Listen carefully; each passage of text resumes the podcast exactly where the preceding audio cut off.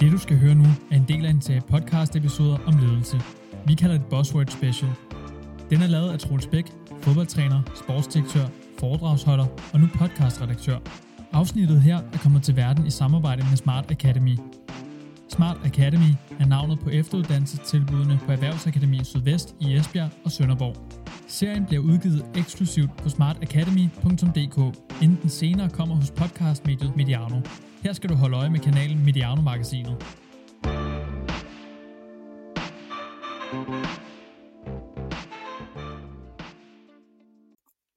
Velkommen til en podcast om ledelse. Smart Academy i Esbjerg og Sønderborg har i dag sat via Troels Laura Storm i stævne. Goddag, Laura. Hej Troels. Hej. Vi, vi har snakket en lille smule, meget, meget lidt i øvrigt inden, og, og det er ikke fordi, vi har nogen historik andet, end at jeg har interesseret mig nok en hel del mere for dit arbejde, end du har for mit. Øh, du er nemlig langt fra den sportens verden, jeg kommer fra. Til gengæld øh, arbejder du med regenerativ ledelse. Øh, du har en, en businessuddannelse bag. Kan du hjælpe mig til kort at beskrive, hvad du, eller kort, det må gerne blive langt i øvrigt, beskrive, hvad du forstår ved begrebet regenerativ ledelse? Øhm, som du lige sagde, så har jeg netop en, øhm, en, en uddannelsesmæssigt har jeg en baggrund fra, øhm, fra business. Jeg har både læst på, på Business School i København og i London. Og, øhm, og grunden til, at jeg har en business baggrund, er i virkeligheden, at jeg sad som 19 år i, i Amazonas regnskov og troede, at jeg skulle øh, være sådan en øh, klassisk miljøforkæmper, der øh, sådan lidt i, i, Green i Greenpeace-stilen øh, kastede mig ud foran øh, olietanks og så videre. Men øh, jeg havde en fantastisk tid i den ekvadorianske øh, del af Amazonas, hvor jeg arbejdede med at øh, genplante skov og øh, grustiklinger og sørge for, at der ikke var nogen plantearter, der uddøde, og vi gik ture med øh, den lokale shaman, som, som lærte os om øh, det her forbundne hele, vi alle sammen er en del af. Og, øhm, og det var en fantastisk tid, men det var også en tid, hvor at jeg øhm, kunne mærke sådan en utålmodighed omkring at ændre ting på et mere systemisk niveau og øh, sådan accepten af, at hvis jeg ønskede at ændre nogle ting, så var jeg også nødt til at gå ind i orkanens øje og forstå, hvordan at, øh, hvad var det for nogle logikker, der gjorde sig gældende i the business community. Um, og derfor så tog jeg tilbage og fik mig en, øh, en kandidat i, øh, ja, i business med et fokus på bæredygtig business, men stadig øhm, brugte jeg nogle år på ligesom at forstå den logik. Samtidig med at jeg skabte en del organisationer, som havde til fokus på at, øhm, havde fokus på at involvere international erhvervsliv i klimaforhandlinger i øhm, gøre dem opmærksom på, hvilke fantastiske løsninger der, der findes overalt i verden, som vi kan skalere og implementere allerede nu. Øhm, og, øh, og, og har været leder i over 10 år for forskellige organisationer. Øhm, og så øh, fik jeg for snart syv år siden en, øh, en meget voldsom sådan hovedtraume, der gjorde, at jeg ikke rigtig kunne noget i, i næsten, to år. Så i to år var jeg bare under radaren, og, øhm, og det, det var en, en, en vild proces i sig selv, den kan vi tale mere om, hvis, hvis, hvis du ønsker, men ellers har jeg også øh, holdt en, en, en TEDx-talk omkring den proces, hvordan det er at gå fra at være sådan en øhm, ivrig, øh, hårdt arbejdende person til lige pludselig ikke at kunne noget overhovedet. Men, øh, men det den proces lærte mig, var i virkeligheden sådan en genforbindelse til til mig selv, men også til det forbundne hele, vi alle sammen er en del af. Jeg kunne mærke på mig selv, så snart jeg havde opgivet kampen om at kunne projektplanlægge mig ud af og, øhm, og altså pro- projektplanlægge mig til at blive rask, at det handlede om en sådan accept og væren med det der var, og øhm, jeg søgte tilflugt i naturen og brugte de største del af mine dage, øh, uanset årstiden, på at være i naturen. Og derude var jeg sådan lidt, altså kunne jeg kigge tilbage på at have arbejdet med den her dagsorden, øh, en bæredygtig omstilling, øh, og overskriften på, øh, på en måde, hvor jeg tænkte, at vi, vi kan jo ikke se skoven for bare træer. Vi, vi, vi, vi tager fat i de, de forkerte steder, og, og nogle af de, der arbejder med bæredygtighed, er jo også nogle af de, de personer i verden, jeg kender, som slet ikke øhm, passer på den indre bæredygtighed, den indre natur. Men vi forstår heller ikke, at vi er en del af et større forbundet hele. Vi forstår ikke, hvad det vil sige at arbejde som naturen. Øhm, og så det var sådan en, en række af sådan nogle ja, nærmest gå så vidt, som man kalder dem sådan åbenbaringer, eller sådan, hvad er det, vi har gang i? Vi, skal, vi bliver nødt til at gøre tingene på en helt anden måde. Øhm, og så begyndte jeg at, at, at sådan, sådan ligesom øhm, connecte the dots, og begyndte at, øh, altså i to år kunne jeg ikke hverken sådan skrive, eller, eller eller læse, eller jeg kunne begynde at læse omkring halvandet år inde i forløbet.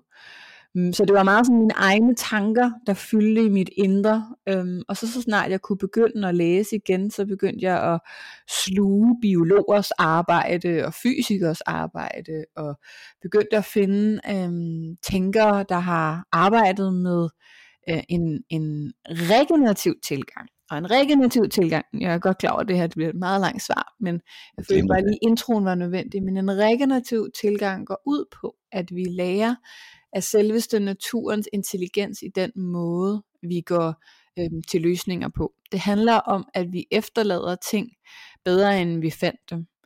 Og, og, og så kan det være, at man tænker sådan, at, er, det, er det det samme som bæredygtighed? Og, og det er det ikke. I hvert fald ikke det, vi har puttet ind i begrebet bæredygtig business eller bæredygtig omstilling. Øhm, det bæredygtige øh, sådan, felt er i høj grad præget af, øhm, at vi bare skal gøre mindre slemt, og at vi bare skal ned på sådan øhm, net zero, eller vi bare skal sådan, ja, gøre mindre skade, end vi har gjort.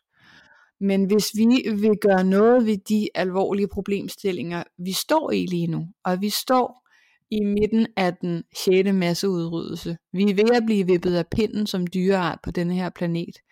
Øhm, og det siger jeg ikke sådan for at være øh, overly dramatic, men det er sandheden. Og det kan være enormt svært for os at rumme den sandhed. Men, øhm, men, men forskere er lidt uenige om, hvor meget tid vi egentlig har tilbage på den her planet som dyreart, hvis vi ikke gør noget radikalt anderledes.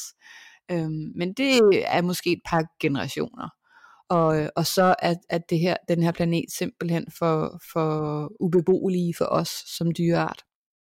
Øhm, fordi at vi er en del af det her forbundne hele. Så for eksempel øhm, på de sidste tre årtier, der har vi udryddet 75% af den flyvende insektbestand i Europa. Og så kan man sige, at det er da meget rart at slippe for kryb og krav. Men vi kan ikke leve uden kryb og krav. Vi kan ikke, øh, det er umuligt for os at leve for eksempel uden bier. Men den måde, vi har dyrket vores afgrøder på, har gjort det næsten umuligt for de her flyvende insekter at skabe betingelser øh, for trivsel og liv, fordi vi har skabt en, nogle, øh, noget, nogle meget fjendtlige, øh, hvad hedder det på dansk, det skal jeg lige sige til lytteren, at jeg har arbejdet så længe internationalt, at det nogle gange så forsvinder de danske ord, men vi har, for, vi har, vi har glemt at skabe betingelser for, at liv kan trives, som er selve sådan naturens logik og måde at operere på. Så, øh, så, så en regenerativ tilgang går ud på, at vi hele tiden skaber betingelser for, at liv kan trives. Og det er både det indre liv inde i os selv, det er det indre liv i vores organisationer, øhm, men det er i høj grad også, at vi skaber via vores organisationer og vores politik og vores samfundsdesign, der skaber vi en, øhm, en, en, en samfund, et samfundsdesign, som hele tiden er, øhm, er, er i stand til at forny sig selv, forbedre sig selv. Og øhm, på samme måde som, øh, som naturen jo hele tiden gennemgår sådan en cyklisk proces, men naturen kommer hele tiden tilbage om foråret og skaber nye betingelser for liv og øhm, innoverer hele tiden nye dyrearter og plantearter og øhm, naturen skaber hele tiden de her betingelser for liv. Og, og min tilgang til regenerativ ledelse er, at, øh, at det det, ledere skal lære at forstå. Det, de skal drive deres organisationer baseret på naturens og livets logik. Og der ved jeg, at du og din medforfatter Giles, og jeg kan ikke hans efternavn, det er en skandale, det kan du. Han hedder Giles Hutchins. Ja, øhm, som jo ikke er ham, jeg snakker med, så jeg holder mig til dig, men at I har øh, i jeres undersøgelse af feltet har etableret fem principper, som, øh, som I ser, at regenerative ledere, de, de læner sig op, eller baserer deres ledelse på. Dem kommer vi tilbage til om lidt, men bare lige for at øh, dele refleksion omkring det. Det, jeg hører dig fortælle om, det er, at den ydre miljøkrise har en indre øh, pangdang, altså hvor vi i det indre liv ikke har forstået at restituere os, som du var tvunget til med din øh, kraftige hjernerystelse, eller at vi ikke mm. har forstået, at, øh, at livet ikke udvikler sig lineært, men enten cirkulært eller samtidigt øh, mm. omkring, hvor man nu bevæger sig. Er, er, det, er det den første forudsætning for at forstå øh, det regenerative perspektiv? Ja. Og jeg vil sige, altså det hele forståelsen af, øhm, at det indre hænger sammen med det ydre. Det hele forståelsen af, at, øh, ja, at ting hænger sammen, men også, at hvis vi vil være øh, bæredygtige, så handler det også om den indre bæredygtighed. Det handler om vores øh, egne evner til at have øh, forståelse for, at den måde, vi passer på os selv, har faktisk konsekvenser, store konsekvenser, for de resultater, vi er i stand til at skabe. Og hvis ikke vi restituerer og regenererer os selv, så bliver vi ved med at skabe degenerative ringe og, og meget, meget stress, friktion, dysfunktion omkring os. Det er der meget lidt fokus på, og der er stadig enormt meget tabu omkring stress og øh, mental velbefindende osv. Men, øh, men bare lige et par tal. Altså 12% af Danmarks befolkning er, øh, er syge med stress i, øh, i, i øjeblikket, og sådan, det, sådan, det ligger ret sådan jævnt, det ligger på omkring 12 procent. Øhm, og hvad er det, der er med folk, der er, bliver, bliver udbrændte? Øhm, inden da har der været en rigtig lang periode, hvor deres hjerner har været i, øh, i det, man kalder for høj beta. Og høj beta hjernebølgeniveauet er det hjernebølgeniveau, der, der, der, der har gjort, at vi stadig er her som en dyreart det evolutionært har det sikret vores overlevelse, fordi når vi stod over for en, en trussel, øh, men også en mulighed, så er vores, øh, vores øh, fysiologi givet på en sådan måde, at al energi gik til at løse den udfordring, den trussel, den krise. Øhm, og tappede alle andre organer og så videre for, for energi, men det kunne vores godt klar, kroppe godt klare, når det bare var for øhm, en, en kort periode. Men øh, i det her gear, der får vi også tunnelsyn. Vi kan simpelthen ikke tænke i forbundne systemer. Vi bliver også enormt egoistiske. Vi har simpelthen ikke adgang til empati og medfølelse. Og når for eksempel i, i USA, øhm, vi, vi har ikke tallene i Danmark, men i USA har Harvard Business Review øhm, lavet undersøgelser, der viser, at 98% af amerikanske executives, altså direktører, øhm, de befinder sig øh, dagligt i et højbeta-stadie over længere tid. Og det synes jeg er meget sigende i forhold til, hvad er det så for nogle resultater, de er i stand til at skabe. Det er nogle meget kortsigtede, øh, egoistiske øh, resultater, som slet ikke har fokus på, at deres organisation og deres medarbejdere at det er en del af et forbundet hele, og vi skal trives som en helhed for at kunne trives på den lange bane. Så tingene hænger sammen, og øhm, og det er der for eksempel meget lidt fokus på i, øh, i hele det bæredygtige felt. Altså jeg har, det har jeg jo arbejdet inden for i, i 20 år, og når jeg rejser rundt og, og, og er til konferencer øh, inden for det her felt, så er det stadig meget øh, ensidigt fokus på teknologier, der skal skaleres, og politiske aftaler og finansielle mekanismer osv. Der er meget lidt fokus på, at, øh, at hvis vi vil lykkes med den her omstilling, så handler det om regenerativ ledelse dybt indenfra. Det handler om, at vi begynder at gøre nogle ting anderledes. Øhm. Men det har jo en kæmpe øh, naturgivet, jeg ved ikke om det er naturgivet, i hvert fald er det øh, efterhånden blevet en miljøgivet modstand. Ikke? Altså en ting er den klassiske med, at alle ønsker udvikling, men ingen vil have forandring. Øh, det ja. er det ene. Men hvis du henviser til, at 98, det skal man næsten råbe, ikke? Altså 98 procent af, af executives mm. i USA, og sandsynligvis noget, der minder om i Danmark, befinder sig i en tilstand, hvor de ikke er i stand til at se ud over det tunnelsyn, det egoistiske, det, det repetitive. Altså, det er jo, altså, hvad er beskrivelsen på en psykopat? Det er en, som bliver med at gøre det samme og håber på nye resultater.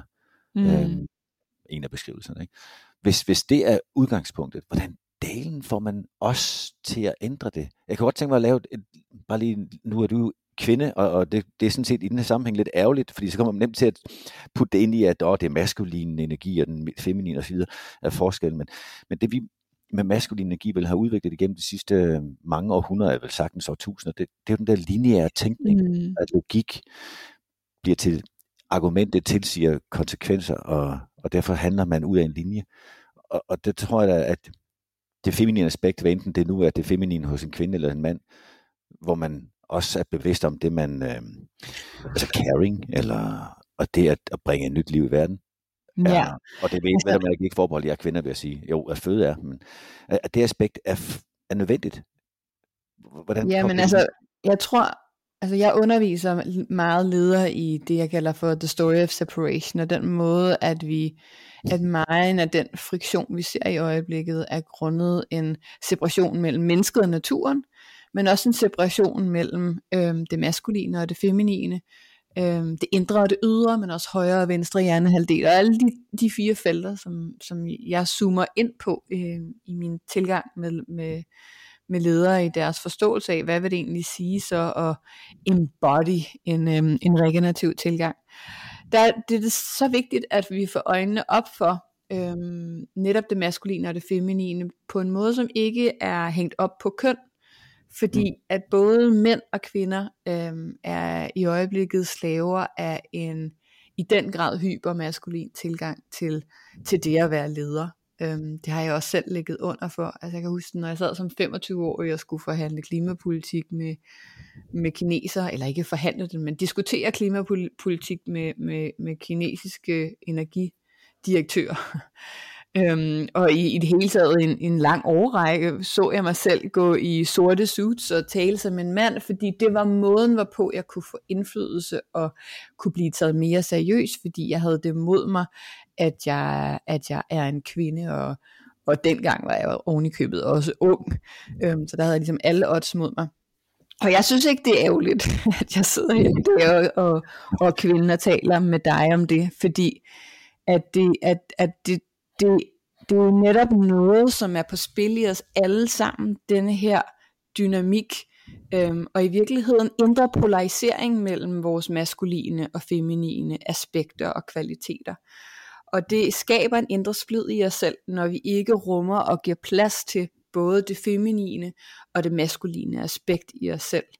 Der skal netop både det feminine og det maskuline aspekt til at skabe nyt liv og holde rum for skabelsen af nyt liv. Og jo mere vi kan gå på nysgerrig udforskning i os selv omkring, hvornår er det egentlig, at jeg ligger under for samfundets normer i forhold til at påtage mig nogle maskuline kvaliteter på tidspunkter, hvor det slet ikke er mig.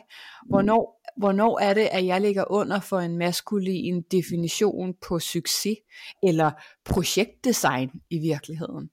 Øhm, og det er meget øjenåbnende for de her ledere, når de begynder sådan at virkelig gå på udforskning i sig selv, i forhold til, hvornår er jeg, går jeg egentlig ud af mig selv, og er slet ikke sådan i alignment med den, jeg i virkeligheden er altså vi har jo for fanden ikke lært, vi, vi er en del af en kultur, hvor vi ikke har lært at være i overensstemmelse med dem, vi egentlig er. Vi har lært at påtage os nogle roller og nogle masker for at få indflydelse og for at kunne leve op til samfundets definition på succes.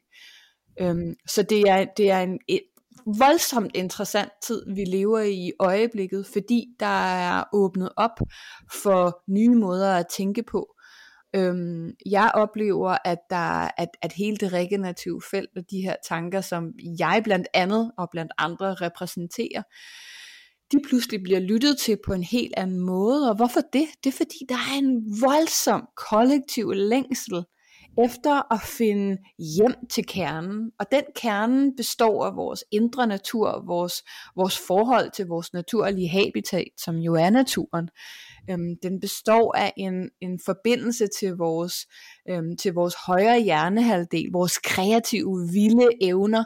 Øhm, det, er vores, det er vores højre hjernehalvdel, som netop er i stand til at tænke ud af boksen og tænke cirkulært, hvor vores venstre øh, hjernehalvdel er den, som er blevet nøset og plejet øh, siden den videnskabelige revolution, og som bliver også nøset og plejet i vores uddannelsessystem. Det er den side af os, der kan tænke lineært, analytisk, putte ting i bokse og kategorier.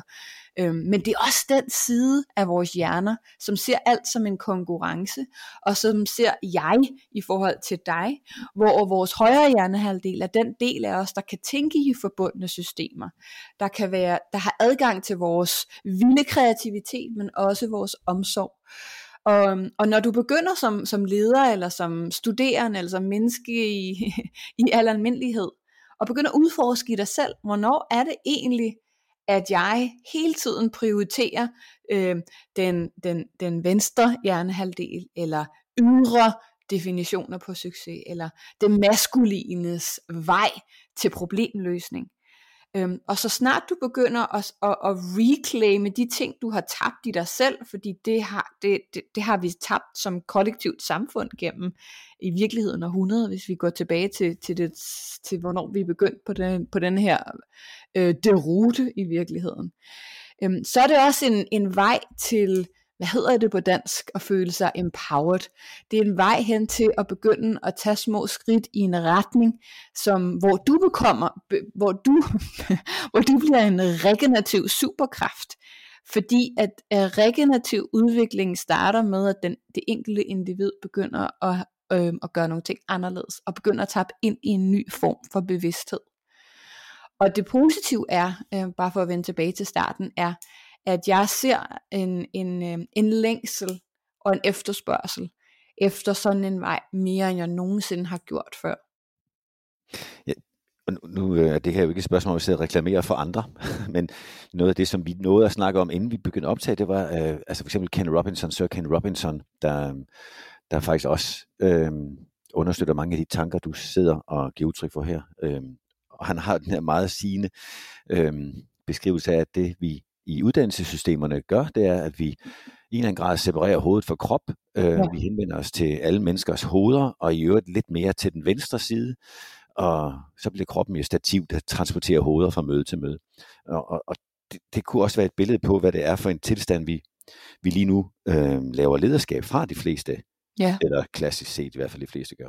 Så når nu du siger, at, at behovet og længslen efter at få balanceret ikke bare sit liv, men også sit, sit bidrag til verden, så, så sidder jeg og tænker, hvis jeg nu var, øh, og det er jo faktisk altså en selvstændig, selvstændig øh, med egen virksomhed, der sidder og tænker, ja ja, det er godt alt det der, men vi skal jo på, for pokker også øh, have, have et overskud hjem, så vi kan betale vores regninger, og, og så må man en gang imellem jo gå på kompromis med nogle af de, af de store tanker. Øh, så, hvilke, hvilke overvejelser vil du spille tilbage til, til sådan en, der kunne sidde fanget i sit eget, øh, ja altså næsten... Øh, hijacked af, af sin egen angst og beta, øh, høje beta-tanker? Øhm, det er selvfølgelig et spørgsmål, som jeg får rigtig tit, fordi det er en udfordring, som mange sidder med, at, øhm, at nogle af de øhm, skitseringer for en regenerativ fremtid, jeg kommer med, virker appellerende, men det føles også uoverskueligt fra, hvor de sidder. Øhm, og det, det føles jo overskueligt, fordi nogle af de her systemer og strukturer, de er så, de, de er så dybtegående, de er så, de er så, de er så øhm, indgraveret i vores samfundsdesign og vores kultur, så det kan føles uoverskueligt at skulle bevæge sig væk fra. Det kan da føles, føles ensomt. Det kan føles angstprovokerende og, og bevidst begynde at gøre noget andet, som stikker ud. Men, men hvis man åbner øjnene, øhm, så er der, der er et movement i gang af folk, der begynder at gøre nogle ting radikalt anderledes. Øhm, og det er ikke kun de der eksempler med folk, der siger deres stilling op og flytter på landet eller rejser jorden rundt. Det er også historien om øhm, teamlederen i en lille kommune, som besluttede, at nu skal vi holde vores, alle vores møder skal holdes udenfor. Fordi al forskning viser, at bare det, at vi bruger øhm, kvarter 20 minutter, hvor vi kan være udenfor i noget grønt, det øger vores kreati- kreativitet med 50%, men det øger også vores omsorg, vores empati for andre, og det øger vores samarbejdsevner, det øger vores velbefindende. Øhm, og det er, en, det er et lille bitte greb, som jeg vil våge den påstand, at alle kan sætte i søen. Og hvis du ikke har en lederstilling, hvor du føler, at du har indflydelse, så kan du også for dig selv gøre nogle ting radikalt anderledes. Du kan vælge at, øhm, at, at gå en tur rundt om blokken, hvis du arbejder på et kontor i en by. Du kan vælge at foreslå din, øh, dine kollegaer. Hvad med, at vi øh, i stedet for det her mødedesign, som vi alle sammen lægger under for, hvor vi taler voldsomt i munden på hinanden i en time. Jeg ved ikke hvorfor, at man, vi har sådan kollektivt besluttet, at møder skal være en time. Men, men det skal de åbenbart. Men jeg vil, jeg vil anbefale og opfordre og inspirere til, at, øhm, at vi cutter de der skide møder ned til, øhm, til 40 minutter, og de øhm, starter med et minut stillhed. Og øh, når der så er gået en halv time, og man har sørget for, at alle har fået lejlighed til at sige, hvad de ønsker at sige, og at man skaber en energi i rummet, hvor der bliver lyttet, og hvor vi ikke taler på, øh, i munden på hinanden, og hvor vi skaber en kultur af, at det ikke kun er alfahanden eller hunden, der siger noget, men det er også de introverte, mere generte, som ofte rummer utrolig meget guld at de også får taletid. Og så sætter man et ur, og når der er gået 30 minutter, så stopper man, og så tager man endnu et minut stillhed, og så øhm, øh, grounder man i, hvad var det egentlig, vi var her for, og hvordan kan vi bruge de sidste 10 minutter på at sørge for, at vi er kommet væsentligt videre i det, vi var samlet omkring. Og, øhm, og det er der rigtig mange, der har eksperimenteret med, med kæmpe stor succes, og på en måde, hvorpå at de går, går fra deres arbejdsplads. Man kan også gøre det over virtuelt. Øhm, hvor de føler, at de har meget mere energi, end de havde tidligere. Hvor tidligere kunne man øh, gå fra sin arbejdsplads, føle sig fuldstændig drænet, og så var der ikke noget energi tilbage at give af til det, der egentlig er, er det væsentligste i mange menneskers liv, deres øh, hobbyer deres børn, øh, hvad end det nu måtte være.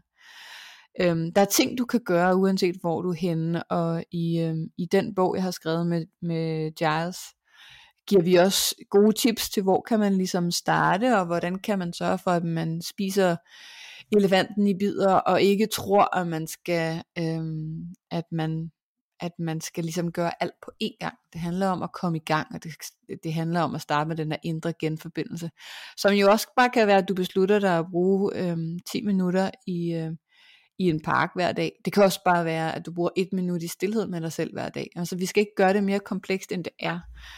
Det handler om at begynde at tage de første skridt.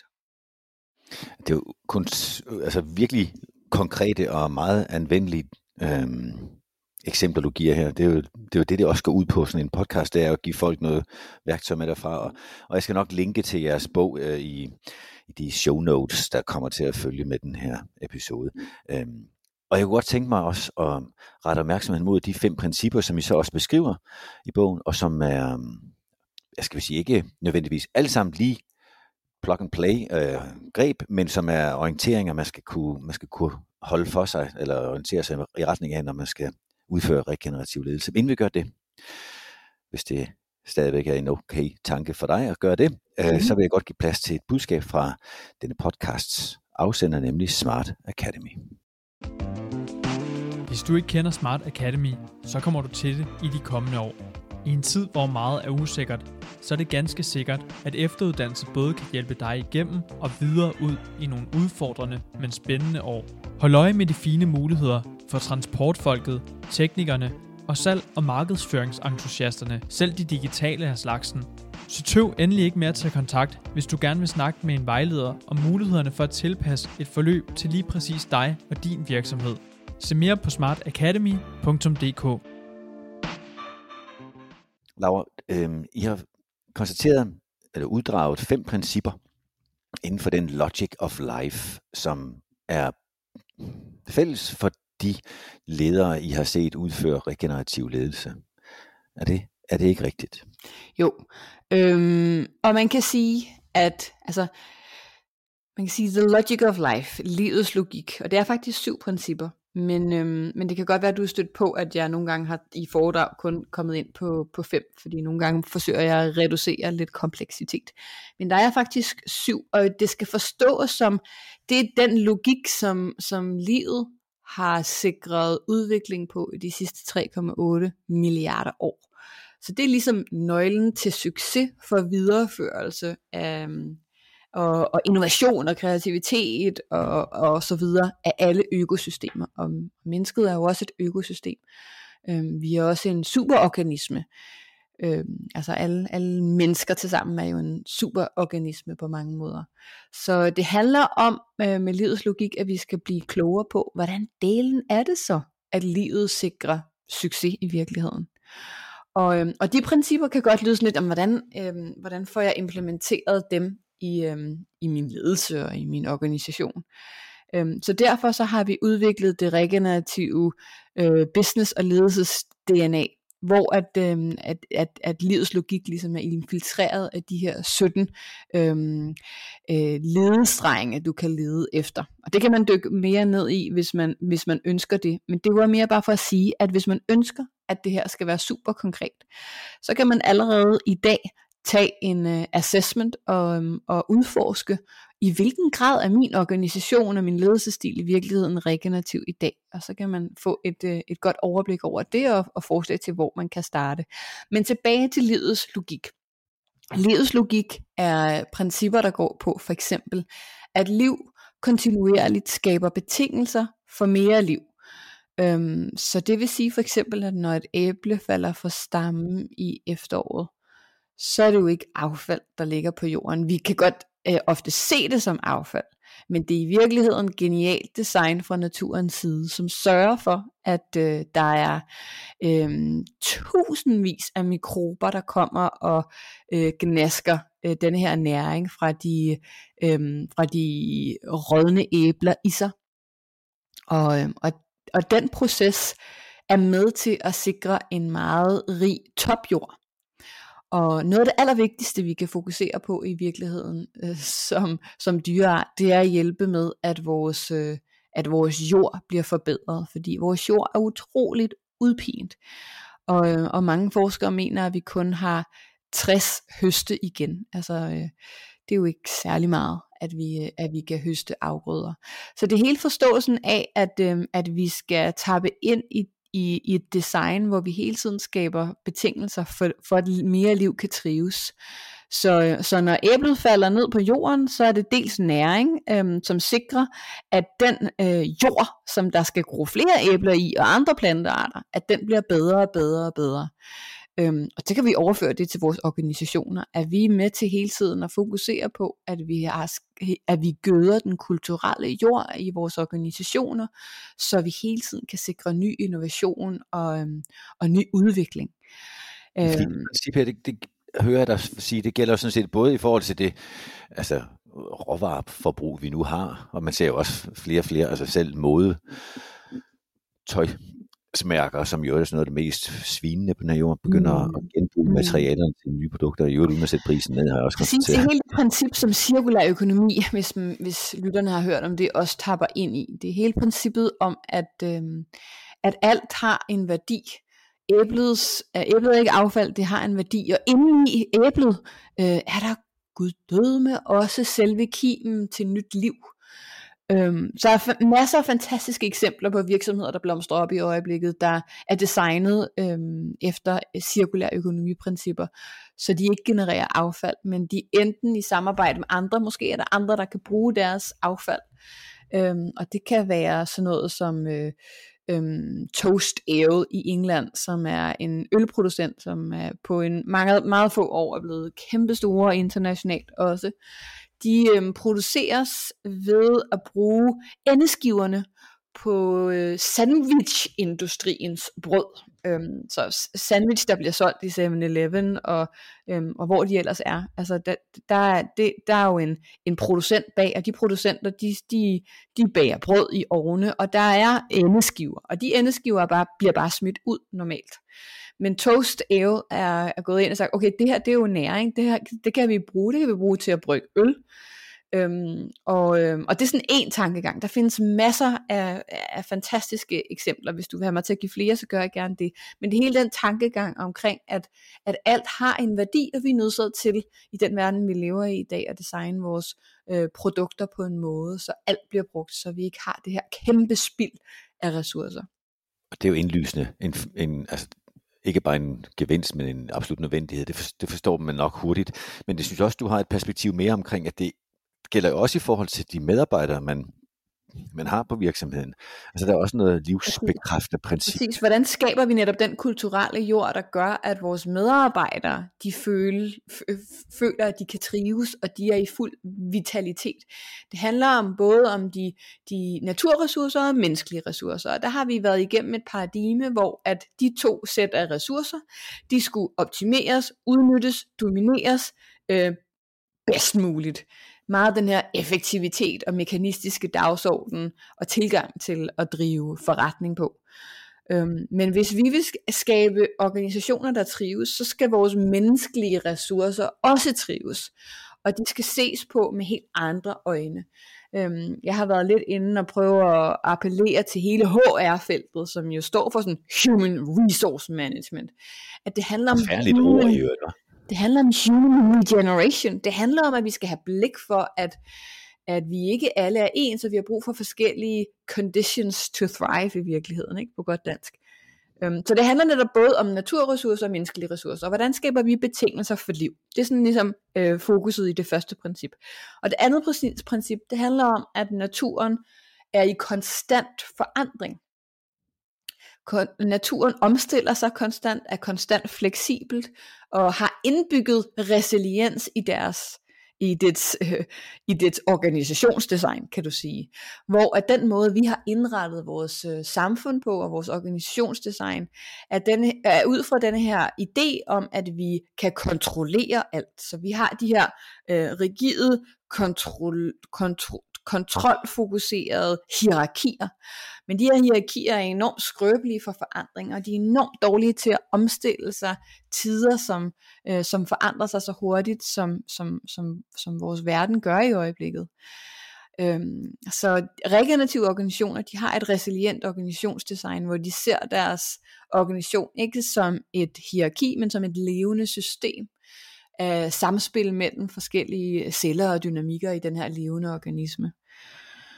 Øhm. Og det er der, hvor du, øhm, og det er ikke for at lægge ordene, men hvis jeg gør, så er det vist nok din egen ord, håber jeg, i munden på dig, nemlig at, at hvor, hvor den øh, rigide, hierarkiske ledelsesform, det er næsten værkfører øh, lederen. Man husker mm. sidde op i det og kigge ned og kontrollere alle dem, der skal udføre ja. det, som i øvrigt er beskrevet fra A til Z.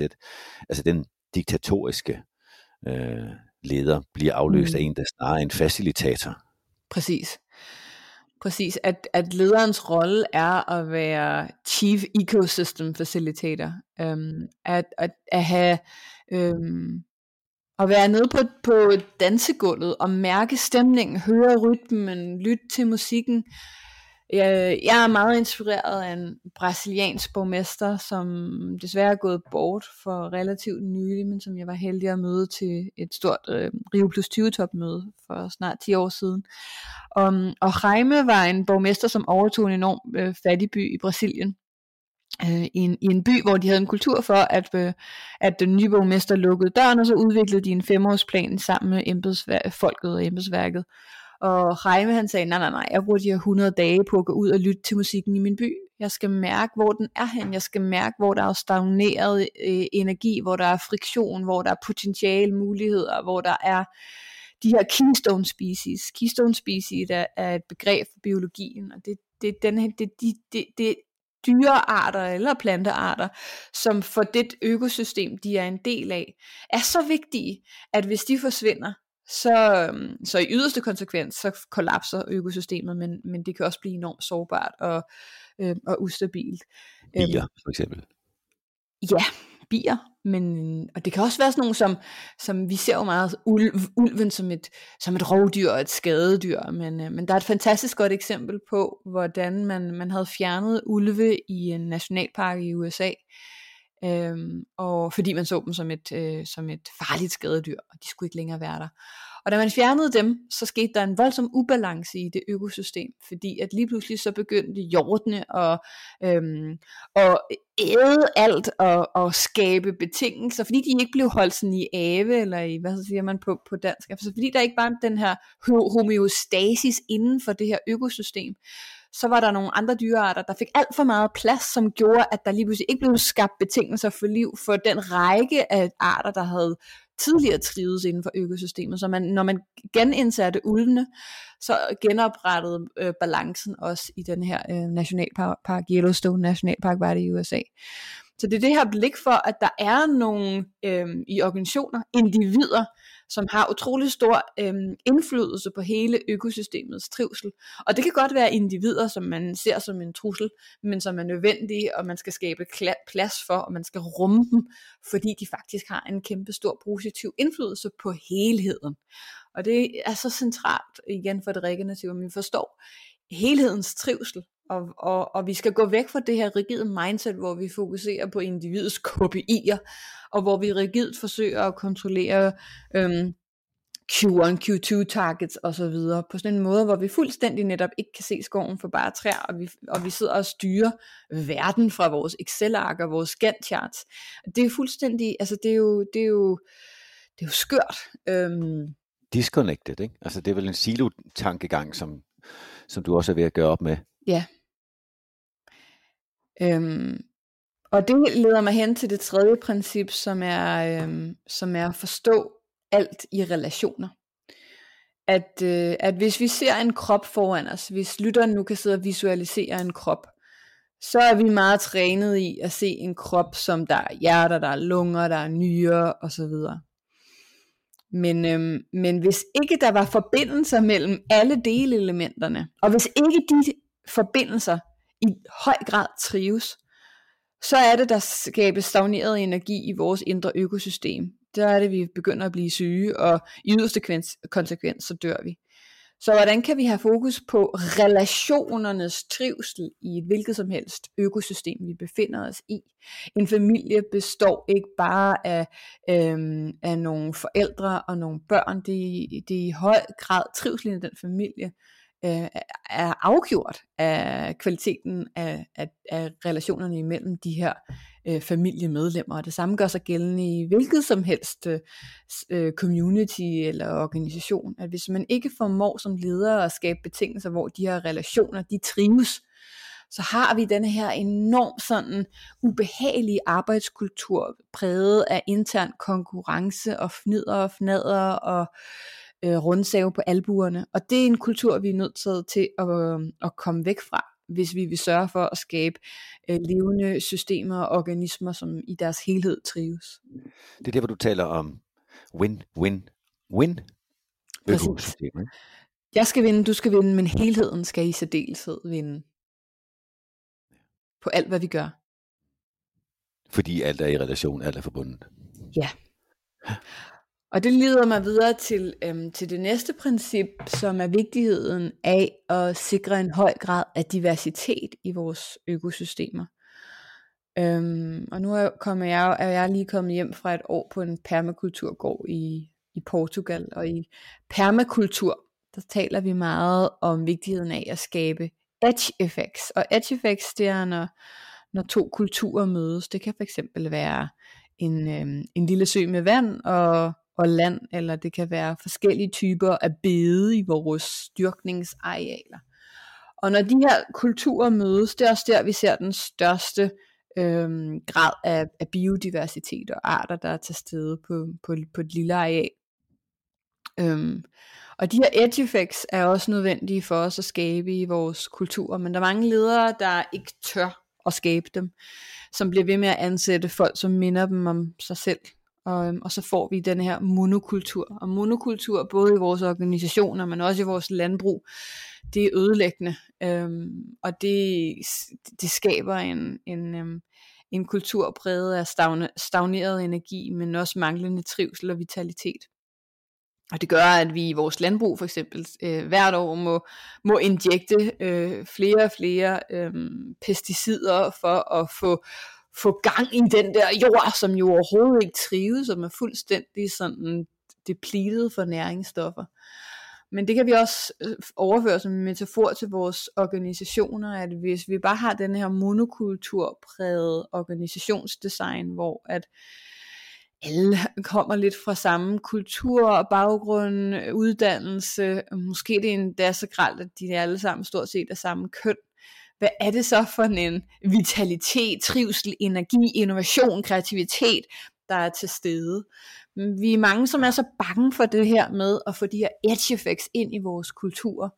Vi er så bange for konfrontation og konflikter, så vi vil hellere sådan have den her sådan monokulturelle øh, tilgang til at hyre nye folk osv.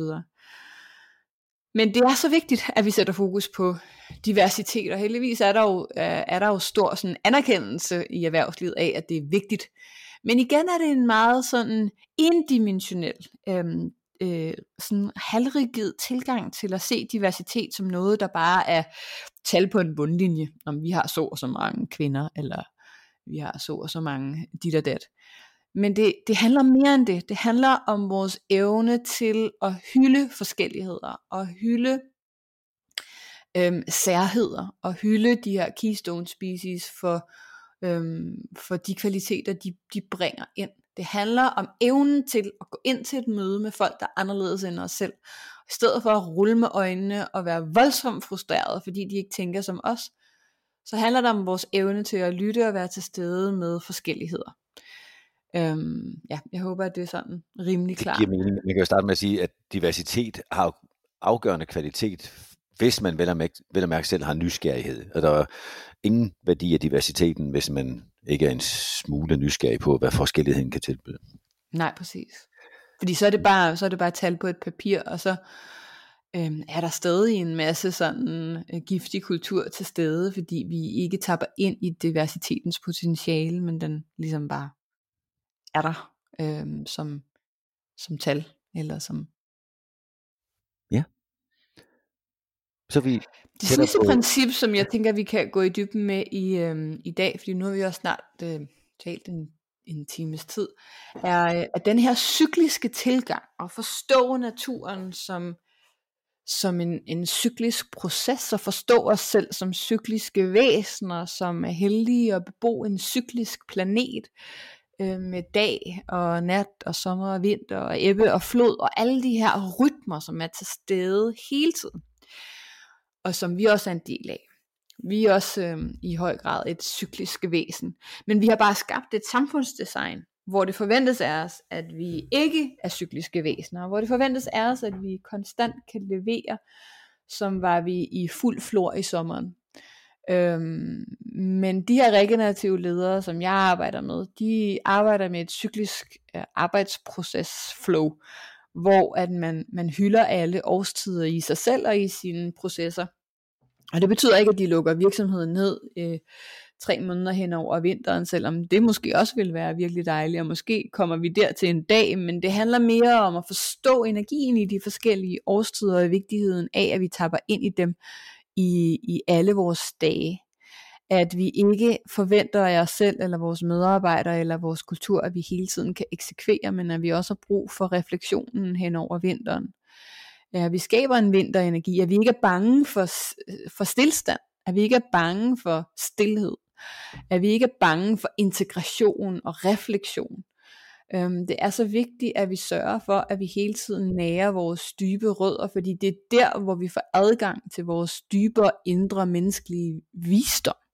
Den har vi ikke adgang til, hvis vi hele tiden skynder os i sådan en hektisk sommerenergi. Øhm. Og det lærte din øh, hjernerystelse dig for eksempel også, selvom du gerne havde fået det på en anden lidt mere øh, spiselig, ikke så dramatisk måde. Altså det der med, at der skal en pause til. Øh, ja. Klassiske eksempel det med musikken, at det er jo, det er jo pausen, der giver Præcis. melodien. Nemlig.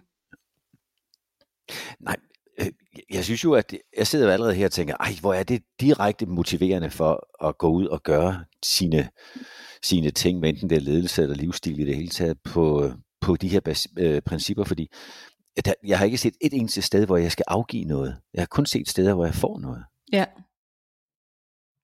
Altså jeg tror, hvis, øhm, altså, øhm, Jeg går meget ud af, at vi skal rumme alt det, der trigger os, og vi synes er ubehageligt, fordi, vi jo, fordi det igen handler om helheden. Det handler også om helheden inden i os selv, og vi er messy human beings, og vi har øhm, barndomstraumer, og vi har alt muligt lort, vi bærer rundt på. Så, øhm, så, så, så det, det, det er der nogle coaches og så videre, som kalder begrænsende overbevisning og så videre. Men, men for mig er det utrolig vigtigt, at, øhm, at vi i den regenerative tilgang tør skabe en accept inde i os selv af, at Rom blev ikke bygget på en dag, men også at, at vi rummer lidt af hvert, og at der ikke er et eller andet uopnåeligt ideal, vi skal stræbe efter, når vi snakker det regenerative. Og med det vil jeg gerne sige, at vi, vi, vi alle sammen hele tiden fejler, og, øhm, og det vigtigste er, at vi er i kontakt med os selv, at vi har den kontakt til vores indre jeg, der gør, at vi kan se, når noget er off, eller vi kan se og mærke, at vi har brug for en, for en pause, at vi kan mærke på andre, hvornår vi kan hjælpe dem med at holde rum for, at de holder en pause, opfordrer til, øhm, til pausens stillhed og refleksion. Og at vi, at vi ikke, altså det er så vigtigt for mig, at det, det, det, det regenerative felt, som heldigvis har virkelig meget medvind i øjeblikket, specielt internationalt, at det ikke bliver endnu en ting, vi skal stræbe efter. Endnu en ting, hvor vi skal være fiaskoer, fordi vi ikke er gode nok. Øhm, det er så vigtigt, at det handler om at rumme det, der er. Og være med det, der er. Og nogle gange er det modbydeligt og vemmeligt og ubehageligt og flovt og skamfuldt. Men det er okay. Og det er en, en, vej, en, en vej til healing af det handler om at være okay med at sidde med, med det grimme. Fordi livet består af, af, af poler, og vores samfund er enormt polariseret. Øhm, og, og, og, og det bedste vi kan gøre er at smelte de her polariseringer og rumme dem. Og det gør vi bedst ved at starte med at rumme dem i os selv. Det er smukke ord. Øhm, det får mig til at um, lige huske, at jeg ville spørge om den assessment, apropos for at få sådan en fornemmelse af, hvor, hvor man er i sit nuværende lederskab, hvis det er sin ledelse, man er mest i fokus på. Øhm, den assessment, man kan tage, hvor finder man den hen? Den finder man i vores bog. Ah, godt. Så en ting er at lytte, en anden ting er at sætte sig ind i det. Så jeg mener om, der bliver sat en, en note i show notes om, hvor, hvad bogen hedder, og hvor man kan få fat i den. Du skal have utrolig mange tak, Laura. Selv tak. Det var en fornøjelse at tale med dig, Troels. Og jeg håbede, altså vi kunne jo have taget den pause undervejs, øh, men, men men det er ikke sikkert, at et podcast med er der, hvor man kommer længst med at tage det der ene eller fem minutters pause. Du skal uendelig tak, Laura. Det var berigende for mig, og jeg håber også for dem, der lytter med. Øhm, tak skal du have. Selv tak. Og selvfølgelig, og selvfølgelig tak til jer, der lyttede med. Det vil I kunne gøre igen ved at finde Smart Academys hjemmeside, og der finder I disse podcast. Tak for nu. Du har lyttet til Buzzword Special. Afsnittet her er kommet til verden i samarbejde med Smart Academy. Smart Academy er navnet på efteruddannelsestilbudene på Erhvervsakademiet Sydvest i Esbjerg og Sønderborg. Serien bliver udgivet eksklusivt på Smart Academy, inden den senere kommer hos podcastmediet Mediano, hvor du skal holde øje med kanalen Mediano Magasinet. Tak fordi du lyttede med.